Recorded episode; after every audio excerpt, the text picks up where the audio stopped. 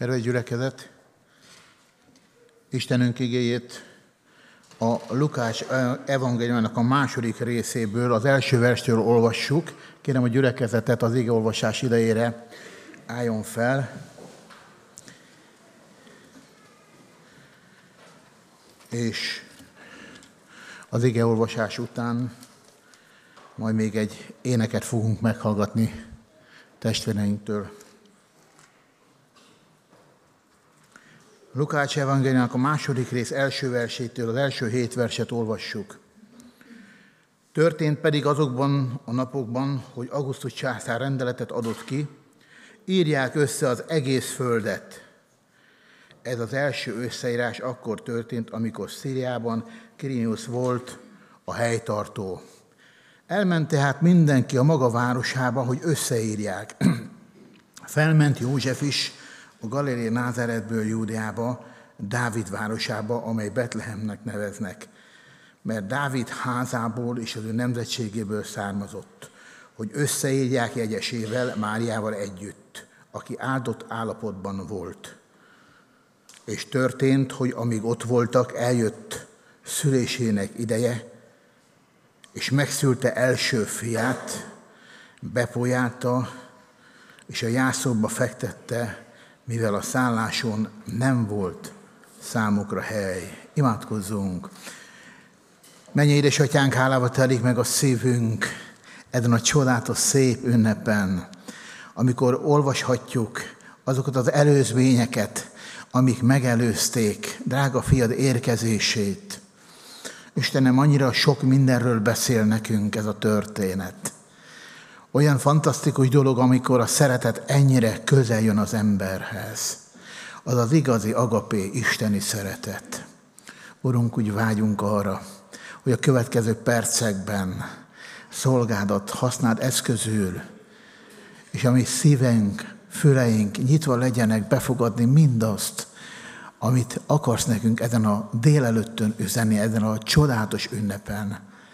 Köszönjük a fiad érkezését, Köszönjük a lehetőséget, amit ezáltal kaphattunk, hogy nem kell többé úgy élnünk, ahogy eddig értünk, mert született nékünk a megtartó.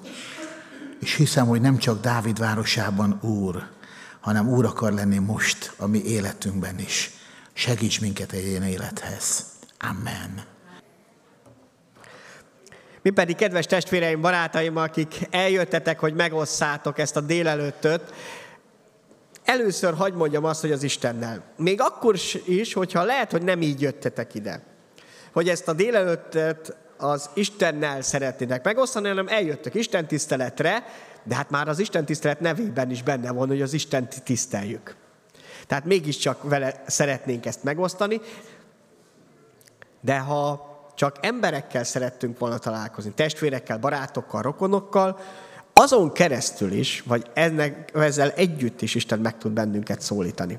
Az a csoda, amiről énekeltek testvéreink, hogy Istennel át lehet élni száz és száz csodát. Sőt, azt lehet mondani, hogy, hogy felfoghatatlan csodát hozott el számunkra Jézus Krisztus, azáltal, hogy megnyílt a menny. Nekünk, akik bűnben élünk, bűnben éltünk, lehetetlen volt Isten előtt kedvesnek lenni. Az ajándék, karácsony ajándéka arról szólt, hogy Isten adott egy lehetőséget, egy ajándékot, hogy az életünk újból kedves legyen előtte. És ezt az ajtót, az ajándékhoz vezető ajtót a hitünk nyithatja ki. Isten építette ezt be, ő döntött erről, hogy ezt ne lehessen megfizetni pénzzel, ne lehessen kiérdemelni, hanem egyszerűen elfogadni lehessen. És működik. Működik több ezer éve, és működik most is. Ezt ünnepelhetjük. Egy születésnap, ahogy egyébként elhangzott már, nem mindig pontosan azon a dátumon szerepel, nem mindig ugyanakkor tudjuk ünnepelni, mint amikor tényleg valaki mondjuk megszületett. Jézus Krisztus születést napját születésének emlékét most karácsonykor ünnepeljük. Miért pont ezen a napon? Nem azért, mert tudjuk, hogy pont itt született, pont ezen a napon, mert nem tudjuk, az az igazság. Azért, mert így döntöttek elődeink ki, kellett, ki akartak választani egy jó időt arra, hogy mi lenne alkalmas arra, hogy Jézus születését megünnepeljük. És úgy döntöttek, hogy akkor, amikor a sötétség elkezd halványodni, és a világosság elkezd uralkodni. Amikor újra egyre hosszabbak lesznek majd a napok. Ennek a, az éjszaka nappalnak a forduló pontjára került karácsony ünnepe. Talán azt lehet mondani, nem is lehetett volna jobbat kitalálni. Hiszen tényleg a világosság jött közénk, a világosság született meg. 1 János 2.8-ban János első levele, második rész, nyolcadik versben azt mondja, hogy ezt az új parancsolatot, igét kaptuk, hogy ami igaz ő benne és ti bennetek, hogy múlik a sötétség, és már fénylik az igazi világosság. Érezzük a sötétség hatalmát, olyan tényleg, mintha egy alagútban mennénk, de már ott az alagút vége látszik a világosság. Ez ott a világosságot gyújtotta fel Jézus Krisztus. És ezért igaz az, hogy most már a világosság erősödhet az életedben, az életünkben. A karácsony olyan, mint azt mondaná nekem, hogy ébresztő Zsolt.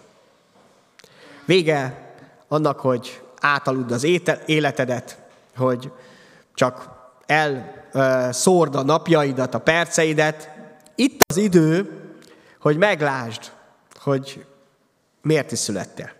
A római levél 13. részével ez pár sokkal szebben mondja ezt el, a Szentlélek által. Ezen felül tudjátok, hogy az idő sürget, ideje már az álomból fölébrednetek. Mert most közelebb van hozzánk az üdvösség, mint amikor hívőké lettünk. Az éjszaka múlik, a nappal pedig már közel van. Vessük el tehát a sötétség cselekedeteit, és öltsük fel a világosság fegyvereit. Átöltözés és harcra fel a jóért. Ünnepre egyébként is költözünk, de ez az ünnep arról szól, hogy az Isten öltözetét vegyük magunkra, és készek legyünk arra, hogy igenis harcolunk jóért. Ne adjuk föl, nem mondjuk azt, hogy annyi rossz dolog van bennünk, másokba, mi is eléldegélünk valahol, hanem hogy az Isten küzdött értünk, eljött közénk, akkor én is kész vagyok arra, hogy ne végigaludjam az életemet. Ne csak úgy ellegyek, hanem hogy igenis lépjek, tegyek az Istennel együtt. Hogy én igazodjak az Istenhez. És kész legyek arra, hogy meglássam azt, hogy ez az élet, amire megszülettem, és ami egyedi és megismételhetetlen, miért is szól. Ébresztő. Ébresztő a jóra, a szeretetre, és arra, hogy ne egy ünnep legyen a szeretet ünnepesen, hanem az életed legyen a szeretet ünnepe. Érdemes a lelkedben ezt ízlegetni, hogy ne egy ünnep legyen a szeretet, hanem az életed legyen a szeretet ünnepe. Jézus ezért jött el. Nehogy csak ilyen kis, mag, kis ünnepnapokat kapjál a jóból, hanem hogy az életed legyen az élet és a szeretetnek az ünnepe. Ez nem megy magadtól. Nem megy magamtól. Ez csak úgy megy, hogyha Jézus minél jobban betölti az életemet.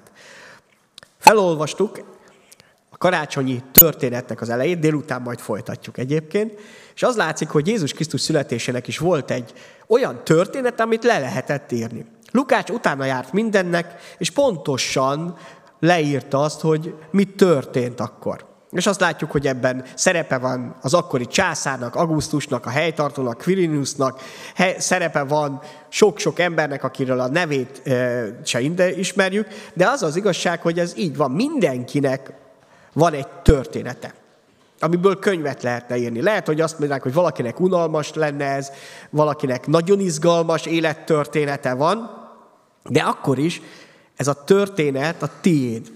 Ezért születtél meg. Igazából talán az a kérdés, hogy kinek a keze írja ezt a történelmet? Kinek a kezét hagyod és engeded, hogy írja ezt? Kinek hiszel? Kinek hiszel ebben az életben, hogy ezt a történetet megírhatja? Hiszel-e abban, hogy Isten meg tudja írni, és Istene együtt írható a te történelmed, vagy úgy ragaszkodsz ahhoz, hogy ezt neked kell írni, vagy hát a sors írja? Ez a hit kérdése. A A 139. Zsoltár egy to- csodálatos bizonyság erről a hitről. Magasztalak téged, mert félelmetes vagy és csodálatos. Csodálatosak alkotásod, és lelkem jól tudja ezt. Csontjaim nem voltak rejtve előtted, amikor titkon formálódtam, mint a föld mélyén képződtem volna. Alaktalan testemet már látták szemeit, könyvedben minden meg volt írva, napok is, amelyeket nekem szántál, bár még egy sem volt meg belőlük. Mi drágák nekem szándékaid, Istenem, mi hatalmas azoknak száma. A hit azt mondja, hogy Uram, legyen meg a te akaratod, amint a mennyben, úgy itt is teljesedjen be. Hiszem azt, hogy veled együtt érdemes írni ezt a történetet, az én történetemet is, mint ahogy a Jézus Krisztusét is. És Jézus története nem ebben a pillanatban kezdődött el, ahova most belekapcsolódtunk hogy jött a császár, kitalálta azt, hogy hát szeretné tudni, hogy hányan élnek a birodalmába, és ezért minden tartományban összeírást kellett rendezni, népszámlálást. Nem voltak különleges kérdések, hanem egy összeírás volt, névjegyzékbe kellett mindenkit venni. Nem úgy, mint most a, a népszámlásra, hogy még külön kérdések is voltak, hanem pontosan tudni akarták, hogy hány, ural, hány eh, ember felett uralkodik. Jézus történeten nem ezzel kezdődött hogy emiatt kellett Máriának és József, Józsefnek elutazni. János Evangélium 17. rész 24. versében beavat bennünket a lélek Jézus szavai által ebbe. Atyám, azt akarom, hogy akiket nekem adtál, azok is ott legyenek velem, ahol én vagyok, hogy lássák az én dicsőségemet, amelyet nekem adtál. Mert szerettél engem már a világ kezdete előtt. A Biblia avval kezdő, hogy kezdetben teremtette Isten a világot. Ez az ige a kezdet elé lép be. A kezdet elé. Az a világ kezdete előtt. Jézus története ott kezdődött. És azért annyira fontos, hogy Jézus az életemben, az életedben hol is van, hol szerepel, a lelkedben, a szívedben, a hitedben. Mert ettől függ az életed, illetve az örök életed is. Mert az ő története vég nélküli. Nem volt kezdete, még a világ kezdete elé nyúlik, és nem lesz vége. Amikor te is belekapcsolódsz ebbe, amikor te belehívod az életedbe, akkor ebbe fogsz bekapcsolódni. Neked nem lenne örök életed magadtól. De Jézus Krisztus által igen. Illetve azt is mondom, hogy valódi életed sem. A nagy kérdés az emiatt, hogy kinek az akarata befolyásolja az életedet. Itt ennek a történetnek az elején azt látjuk, hogy a császár parancsa hangzott el, hogy össze kell írni ezt a, az egész földet. Annak a császárnak a parancsa, aki egyébként egy fantasztikus uralkodó volt, de elég büszke volt ahhoz, hogy még a naptárat is megváltoztassa. Mindenképp kellett neki is egy hónap, ezért lett augusztus hónap. Annyira, hogy lehet tudni a történelemben, még, hogy augusztus rövidebb volt, ugye el kellett venni egyet februárból, hogy neki is legalább olyan hosszú hónapja legyen, mint Júliusnak mint július hónap, a naptárt átírta. Mert volt hatalma rá. Annyira, hogy még most is használjuk ezt a naptárt. És megszületett a birodalmában hozzá képest egy senki, akiről ő tudomásul sem vett. Csak egy név volt az összeírásba. Semmilyen hatalma nem volt hozzá képest, és mégis ez a Jézus Krisztus, aki megszületett, az Isten fia, ő lett a történelem középpontjába. Őről nem egy hónapot neveztek el, hanem tőle indul el az időszámítás. Úgyhogy ő nem kért ezt. Onnan számoljuk. Ő a középpontja ennek. Csak ekkora volt a különbség közöttük. De nem Augustus császár javára. Ő ezt nem tudta. Nem mindig ismerjük föl, hogy micsoda különbség van a között, mit, amit magunkról gondolunk, hiszünk és vélünk, és alakítjuk át a környezetünket, és magáról, Isten fiáról, Jézus Krisztusról. Ki lehet, hogy úgy el vagyunk vele, hiszünk valamennyire benne, de ha az őt megillető helyre kerül, akkor ott indul el a történeted, ott indul el a történelmed, akkor a jó irányba haladhat az életed. Tele vannak ma is az életünk törvényekkel és rendeletekkel, amelyek szabályozzák az életünket. Ezek nem mindig kellemesek, de alkalmazkodunk hozzájuk, Csak az a fontos, hogy ne, ne egyszerűen csak az emberi törvényekig, hatalomig, vagy éppen az ördögi befolyásig jussunk el, hanem a mindenhatóhoz is. Legtöbbször úgy érezzük, hogy másoknak van hatalma fölöttünk, akik mondjuk a törvényeket hozzák, és őket lehet dicsérni, vagy éppen szídni emiatt, és akkor a hírek, a különböző befolyások mind-mind erről szólnak. A hit elvisz bennünket a forráshoz. Máté evangélium a legvégén a 28. rész 18. versében Jézus ezt mondja, nekem adatot minden hatalom menjen és földön. Ez most elképzelhetetlen, hiszen ez politikusok kezében van, gazdag emberek kezében van, olyanok kezében, akiknek valódi hatalom van, megölhetnek embereket, háborúkat indíthatnak el, vagy éppen befejezhetik. Hihetetlen hatalmuk van hozzánk képest. És kiderül, hogy ez a hatalom semmi. Illetve ők is úgy kapták. Lehet, hogy teljesen rosszra használják, de hogy van egy ennél sokkal nagyobb hatalom. A hit oda vezet, hatalom forrásához, Jézus Krisztushoz. Mert ő fog mindenkit számon kérni, az összes politikust. Az összes gazdag embert, akiknek valódi földi hatalma volt. És bennünket is. Nekünk is. Ő teljesen igazságos, és ez alapján fog ítélni. Ez az életnek a kérdése, hogy kinek a hatalma alatt élek, kinek a hatalma alatt élsz. Lukács evangéliumában 16. rész 13. verső azt mondja, hogy ez viszont nem olyan, hogy, hogy lehet ilyen párhuzamos dimenziókban élni. Egy szolga sem szolgálhat két úrnak, mert vagy az egyiket gyűlöli, és a másikat szereti, vagy az egyikhez ragaszkodik, a másikat megveti. Nem szolgálhatok Istennek és a mammonnak. Nem lehet két igazi főnöke a lelketeknek. Nem lehet, hogy mindegyikhez ragaszkodtok, mert az egyik a másikat teljesen kiüti. Azért, mert ellentétes. Mint hogy nem lehet egyszerre fényben és sötétben lenni. Nem lehet. Mert vagy az egyikbe, vagy, vagy a másikba. És azt mondja, hogy ez egy szolgálat. Te döntesz, hogy kinek szolgálsz, te nincs köztes állapot. Mi, mi legjobban ezt szeretnénk. Hogy azért pénzünk is legyen, és mi határozzunk meg dolgokat, mi befolyásoljunk a környezetünket, és amennyire lehet az Istennek is szolgálunk. Ez a kettő nem működik. Isten mindent megadott azért, hogy szabadok legyünk az önzőségünktől, a bűneinktől, a gonoszságunktól, de ez azt is jelenti, hogy beállunk a szeretet, az igazság Istennek a szolgálatából, hogy szabadok legyünk. Hogy tudjam azt, hogy Isten befolyásolja az életemet. Néha úgy élezzük a szent családra, Józsefre, Márián nézve, hogy egy szegény, szerencsétlen család, amiről azt is lehet mondani, hogy lehet így is látni. De hát az az igazság, hogyha belegondolunk József életébe, Jézus nem akárhonnan származott. József az ősi királyi családnak a sarja volt. És nem csak ezt mi találtuk ki, hát azért kellett elmennie Dávid városába, mert a királyi házhoz tartozott. Még egyszer, a királyi házhoz tartozott. Nem egy szegény, szerencsétlen családhoz, csak a királyi család háza, Dávid háza, akiről minden profécia szólt, mindenki tudta, ebben az időben nem az őt megillető helyet foglalt el a trónt, hanem úgymond ehhez képest szegényen kellett élnie.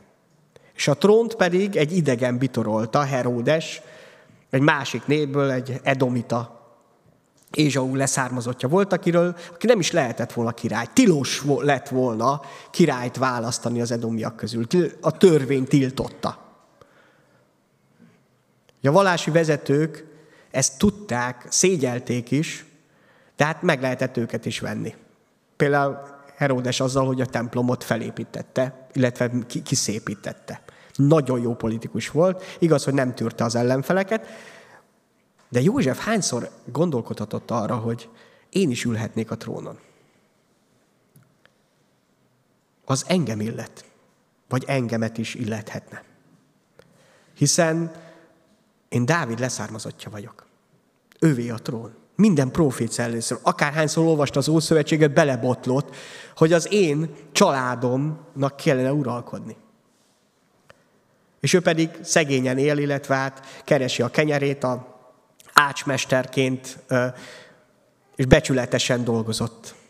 De valószínűleg nem ez volt a szívébe, mert nem, nem ezt látjuk, amikor Isten megszólította őt, hanem elfogadta őt, hogy elfogadta azt, hogy teljesen igazságtalan az élet, legalábbis itt a Földön, és ezzel együtt teljesen rámerte magát bízni az Istenre.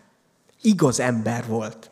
Azt olvasok Máté evangéliumában, amikor kiderül, hogy a jegyese Mária gyermeket vár, ami azt jelentethette egyedül azt, hogy félrelépett, hogy valakivel mással élt, azt írja az igaz, hogy nem akarta őt megszégyeníteni.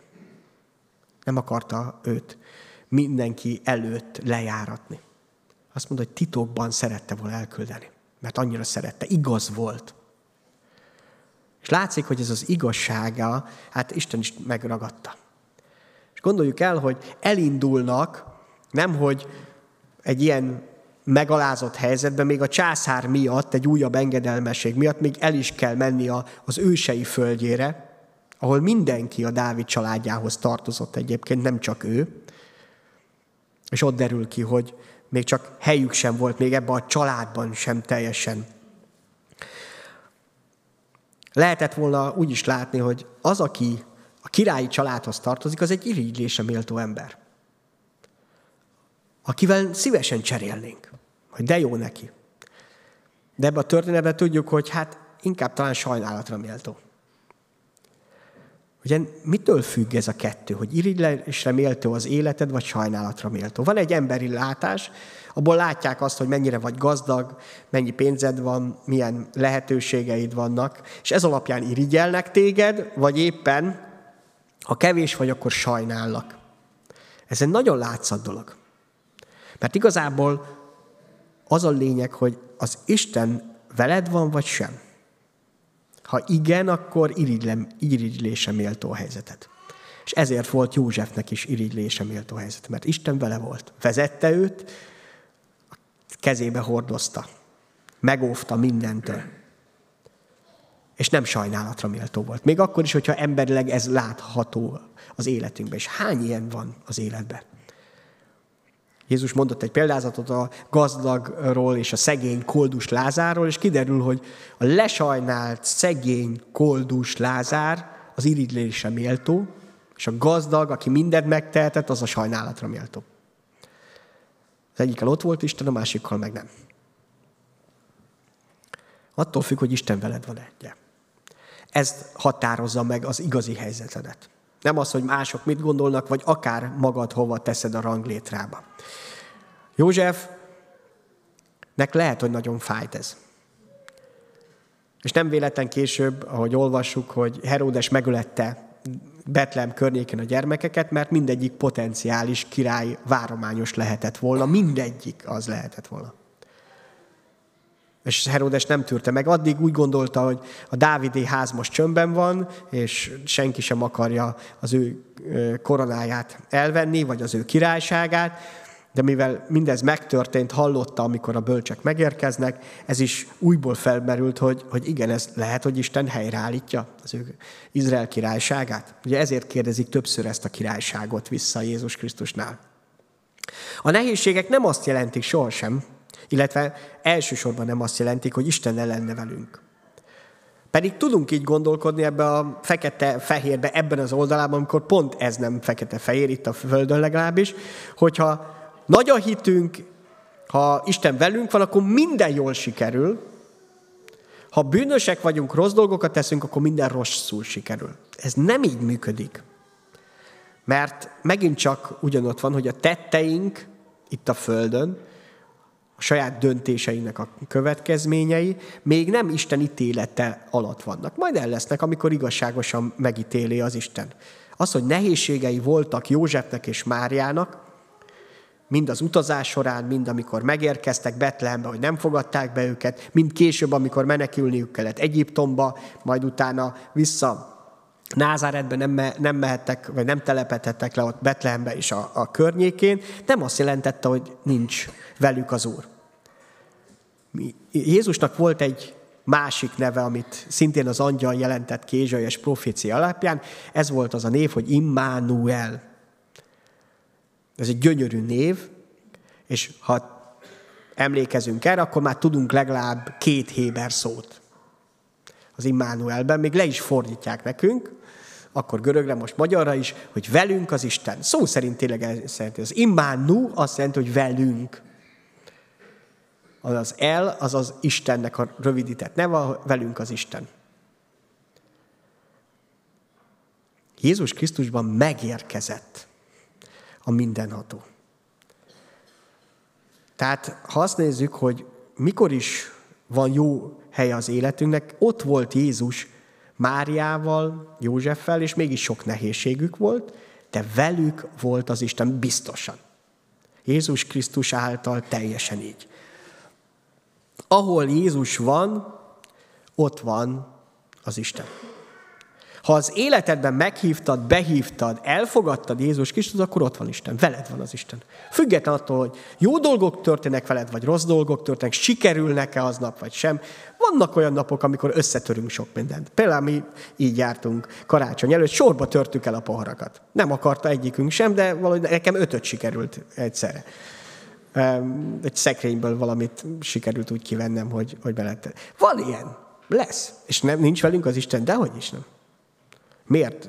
Pohártól függ, vagy, vagy akár a, a más pénzét. Attól függ, hogy Jézus velem vagy, vagy sem. És ez ugye nem külső dolog, hanem a szívemnek, a lelkemnek a, az állapota. Ahol Jézus ott van, amikor veled van, akkor ott van az Isten is. Amíg Jézus veled van, és ezért annyira fontos a vele való kapcsolatunk, a létünk, mert ez adja meg az életünket is. A becsületes törvénytisztelő élet, amit megtett Mária és József is, hogy nem bújtak el, nem vonták ki magukat az alól, hogy ők is elinduljanak az összeírásra, hogy megtegyenek több napos, hetes utat várandósan, a becsületes törvénytisztelő élet mindig sok problémát fog okozni. Ezért választják sokan, hogy nem lesznek becsületesek és nem lesznek törvénytisztelőek. Mert könnyebb úgy élni.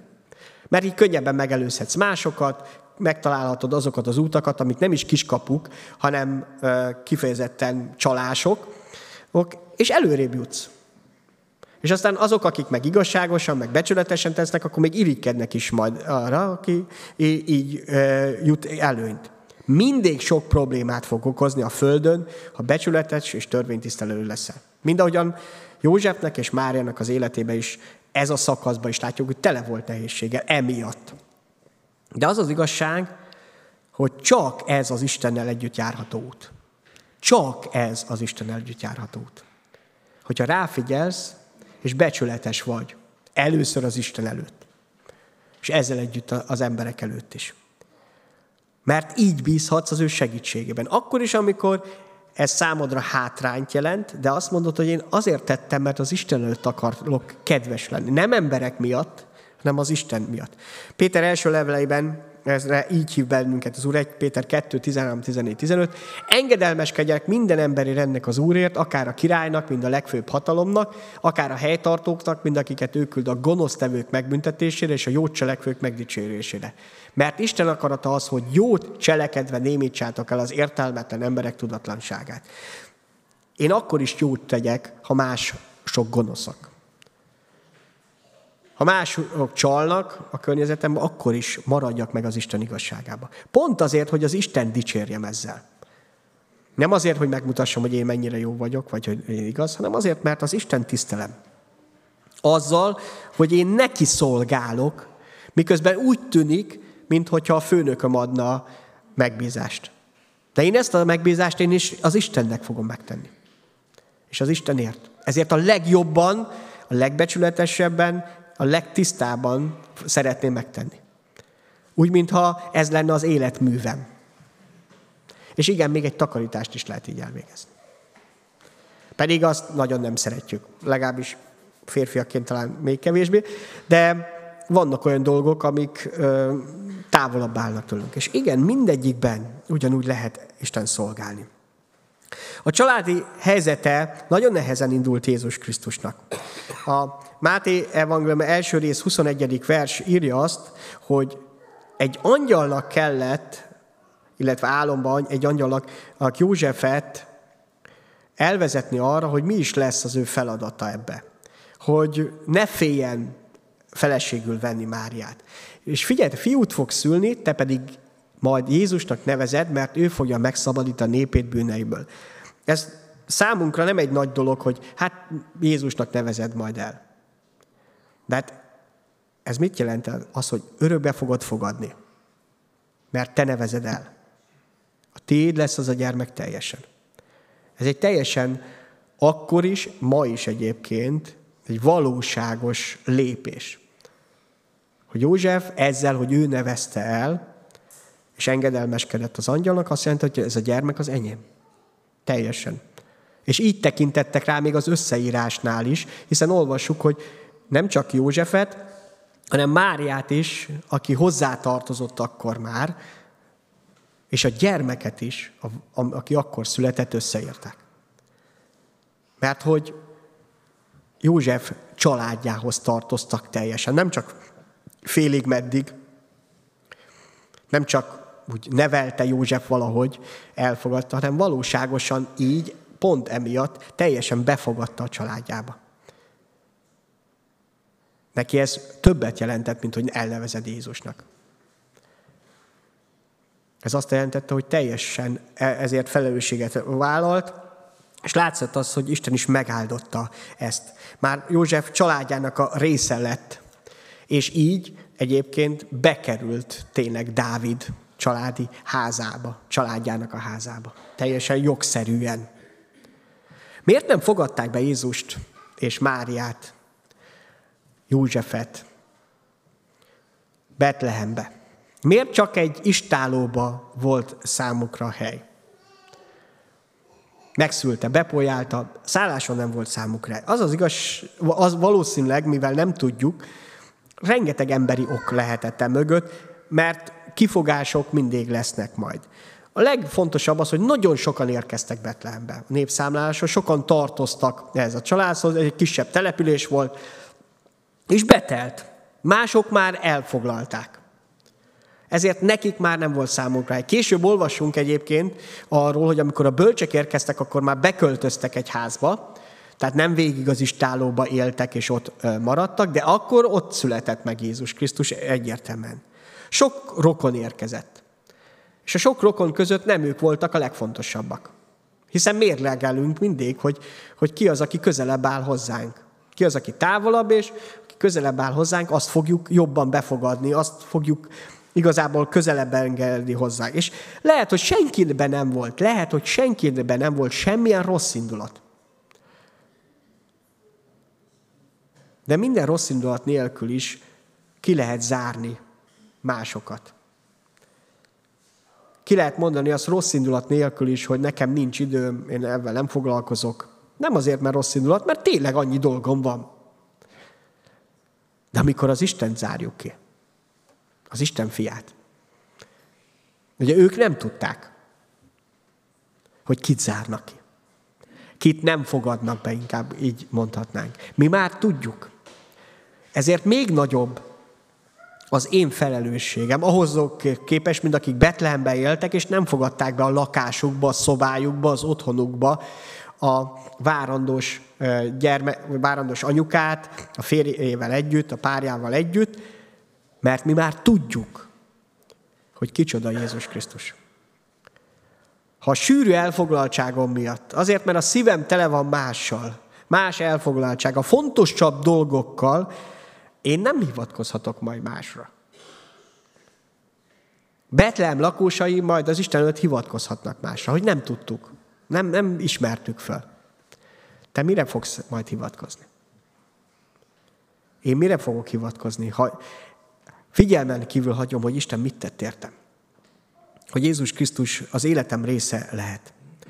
János Evangélium első rész 12. versében azt írja, hogy Jézusnak a, a szívemben van a helye.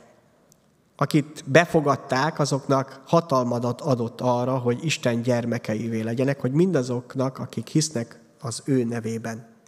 Hogy Jézusnak a helye az én életemben van, a szívemben. Fönt van Isten jobbján. Onnan jön majd el ítélni élőket és holtakat.